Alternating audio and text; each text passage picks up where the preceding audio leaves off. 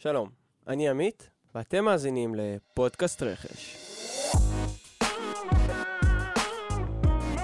שלום לכל המאזינים, שלום לכולם, ברוכים השבים אלינו. אנחנו בפרק הרביעי של פודקאסט רכש של חברת סוויפט. פודקאסט רכש בו אנחנו דנים בסוגיות הבוערות בשטח המבעבע של עולם הרכש, מפרקים את המיתוסים ואת, ואת כל האגדות האורבניות שסובבות סביב רכש. היום אנחנו ממשיכים את השיחה הממש מהנה, אה, לי לפחות, שהייתה לי עם רותם לנדה, CFO של חברת Yotpo, וערן בן חורין, ה-CFO של חברת מדלן ו Localize. תהנו. אז מצאנו שלמנהלי מחלקות יש איזשהו ערפל ביחס למה הם מוציאים. מה הדבר הראשון שעושים? קודם כל, היה לי מאוד מאוד חשוב לחבר בחזרה, לשקף לסמנכ"ל, לזה שאחראי על ההוצאה התקציבית, כמה כרגע הוא, הוא מוציא תחתיו. אני משתדל שלא להיות אה, גורם מעכב ב, בהתקדמות המקצועית, אבל כן צריך לשקף לו בעצם כמה זה עולה, כי לפעמים בעצם, אה, כי לפעמים זה יכול ללכת קצת לאיבוד באמצע. ל-CFO יש אתגרים, אבל לא כל המחלקות נולדו שוות. יש מחלקות שההוצאה בהן היא פחות אחידה ופחות צפויה. אה, אצלנו במחלקת השיווק, אז יש קמפיינים עונתיים, נקרא להם, שהם מאוד מאוד גדולים, ויש שם המון ספקים וזה סכומים ענקיים. בארצות הברית יש לך קמפיין סאבווי שעולה שבע ספרות בדולרים, ובישראל גם היה לנו כמה קמפיינים גדולים, ומעבר לזה יש את השוטף. אז מחלקת השיווק היא, היא לא מחלקה שכאילו, כמו בפיתוח, אתה שם ג'ירה גיטאב ואתה רץ כאילו לכל החיים. במחלקת השיווק יש המון כלים, המון צרכים שמשתנים, אז שמה מאוד חשוב אה, לדעתי להטמיע נוהל רכש מסודר, שגם שומר אותי בלופ, שבעצם כש, כשאני חלק מתהליך החתימה, וגם משקף להם כמה הם מוצאים, כמה נותר להוציא מהתקציב. רותם, אולי תנסה לספר לנו איך משתמשים בבניית תקציב כדי לנהל את העולם הזה? אני חושב שתהליך תקציב נכון, וזה קורה בדרך כלל ככל שהחברה מתבגרת ומגיעים לחברה מנהלים יותר מנוסים, אז בונים תהליך תקציב שהוא מתחיל אה, אה, מאסטרטגיה, א', להחליט לאן אנחנו רוצים להגיע אה, ואיפה אנחנו משקיעים. ואחרי השלב הזה יש תהליך של בנצ'מרקים, שזה לקחת את האסטרטגיה ולהוסיף לה את נושא המספרים. זאת אומרת, אני כהיות פה יודע שאני רוצה אה, אה, לצאת אה, להנפקה. אני יודע מה עלויות ה-Sales, ה-Marketing, ה-R&D שלי צריכים להיות, ואז מאוד מאוד קל לרתום את, אה, אה, את הסמנכ"לים האחרים אה, לדיונים האלה. כי אז אני בא ומסביר ל- VP Marketing למה הוא לא יכול להוציא עוד שקל, או כן יכול להוציא אותו יותר קל. אני אפילו לא צריך להסביר את זה, ברגע שהכל שקוף וכולם מבינים מה הגבולות גזרה התקציביים, זה כבר שמה. כן, יש הרבה משחק בפנים.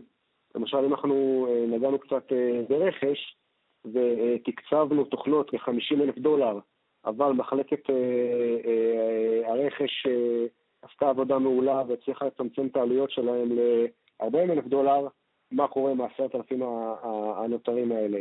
איך מאפטמים אותם באמת. ושם באמת יש משחקים, ואז ברור לאותו VP Marketing שאם הוא רוצה להגדיל את תקציב התוכנות, הוא חייב להוריד את זה ממקום אחר. כי בסוף יש לו גבולות גזרה שבהם הוא צריך להישאר על מנת אה, לשרת את מטרת החברה שהיא אה, להנפיק. וכדי להנפיק, מאוד ברור באיזה אה, מספרים צריכים אה, אה, לעמוד. קיבלת master class בדקה, על איך מחליטים משהו מלמעלה ודואגים שהוא יחלחל אה, לכל שאר הארגון עד אחרון עובד. במילים זה תמיד נשמע טוב, התהליך הזה, התהליך הזה מאוד כואב. איך משיגים את השקיפות הנכספת הזאת? איך משיגים את ה-insight הזה של, אוקיי, עכשיו מרץ, ובזבזנו כבר 50% מהתקציב השנתי? איך, איך מגיעים ל, ל, למידע הזה? אז אה, יש מונח שנקרא BVA, uh, Budget versus Actual, שזה באמת ה, uh, אחד התוצרים שמחלקת הפייננס uh, uh, מוציאה. בדרך כלל זה שילוב uh, של שתי מחלקות. יש את ה-FPA שאחראי על הבאג'ט, ויש את ה-Finance שאחראי על ה-Actual. מוציאים uh, uh, דיווח uh, בכל סוף חודש, ברגע שסוגרים את הספרים. באמת, אם דיברנו על כלים טכנולוגיים, זה משהו ש... מחייב.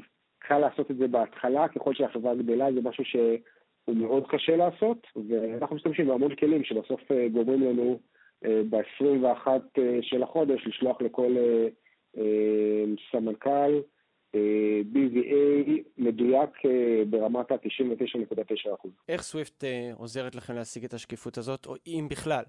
למשל, מה שהסתכלנו בסוויפט שמאוד יכול לעזור ל-BVA, זה העובדה שאם עכשיו רכשת תוכנה במודל SaaS, שהתשלום שם הוא recurring, אז זה כלי שיכול לשקף מאוד יפה ב-BVA, לקחת תשלום חד פעמי של 300 אלף דולר, שהוא בעצם מיועד לתקופה של שנתיים, ולפרוס את זה, ואז זה משתקף בצורה מאוד נכונה ב-BVA, ויכול להראות תמונת אקטואל מדויקת לסמנכ"ל של אותו מחלקה.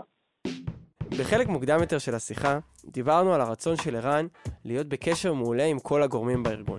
זה דבר נהדר, אבל יכולים להיות לו גם חסרונות. אחד החסרונות הוא שבקשות שקשורות לתקציב מגיעות ישר אל ה-CFO.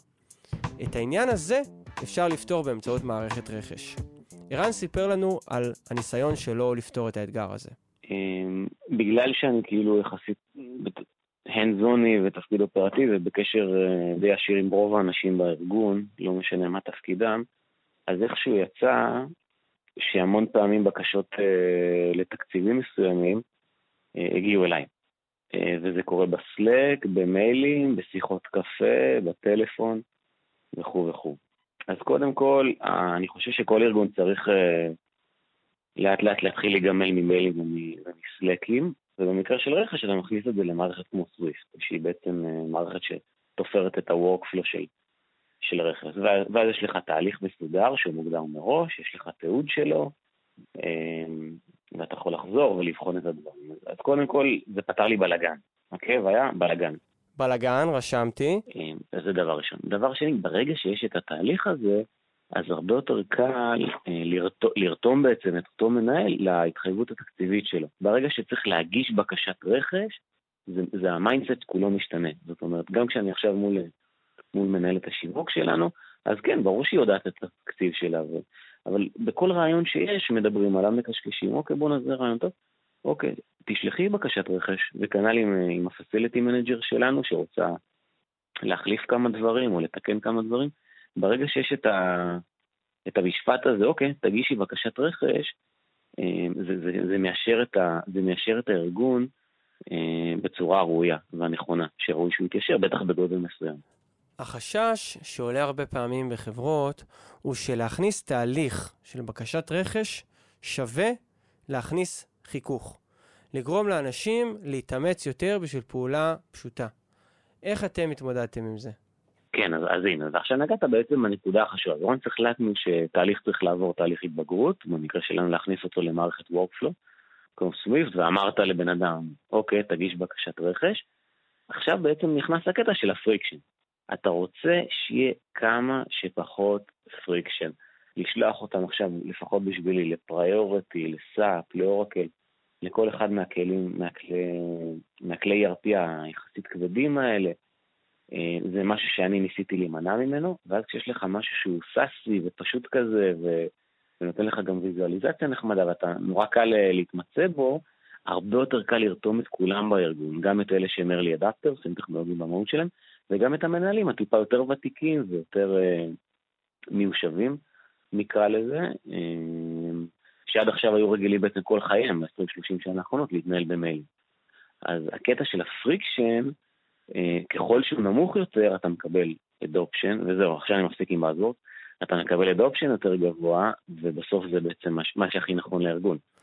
רותם, אתה תוכל אולי לתת לנו את הזווית של איך זה נראה בחברה גדולה יותר, שבה כבר יש מחלקת רכש? כי אחד האתגרים, אני חושב, בלהקים מחלקת רכש, היא איך זה לא נהיה לדרוך על האצבעות של כולם. איך מחלקת הרכש יכולה גם לחסוך כסף לארגון, גם לאפשר לכולם לעבוד טוב יותר. אני חושב שאצלנו מחלקת הרכש ידעה מאוד מהר לבוא ולהראות value לסמנכ"לים. זאת אומרת, הם ידעו שהם אה, אה, יעשו משא ומתן כזה או אחר ויחסכו למנהל שיווק אה, כמה דולרים שהוא יוכל להשתמש בהם למשהו אחר, אז, אה, אז א' זה יוצר סימביוזה, עבודה הדדית בין הארגונים. כן קורה שעכשיו סמנכ"ל כזה או אחר רוצה להביא איזה תוכנה בומבסטית, שלדעתי יכולה להיות מיותרת. ואני מנסה לא לקחת את זה למקומות של, אני מערער על, ה, על המקצועיות שלך, אלא באמת אה, לקחת את זה למקומות של האם זה, האם זה משרת את היעדים שאליהם אנחנו רוצים אה, להגיע אה, השנה, האם זה הטיימינג הנכון, הרבה פעמים אנחנו נמצא פשרה בדמות בואו נעשה איזה POC, נקבע יעדים, ואז נקבל החלטה לפיהם, אבל אני מאוד משתדל לא לקחת את זה למקומות של. ערעור המקצועיות, אני גם לא חושב שזה, אה, שזה מקומי, אלא באמת האם זה הזמן הנכון והאם זה משרת את היעדים אה, שקבענו לנו אה, בשנת התקציב. לסיום, איפה אתם רואים את עצמכם בעוד עשר שנים מהיום? וואו, שאלת השאלות. דרופ מייק. אנחנו נפרדים כאן מרותם לנדה ורן בן חורין, זה היה הפרק הרביעי של פודקאסט רכש. בשבוע הבא אנחנו מארחים את טל ברנר, ה-CFO של חברת Natural Intelligence, יהיה כיף טירוף. איתי היה יובל ביגל, העורך, המפיק, ההוגה, האיש החזון של פודקאסט רכש. אני הייתי עמית מיטלמן מחברת סוויפט, תודה וביי.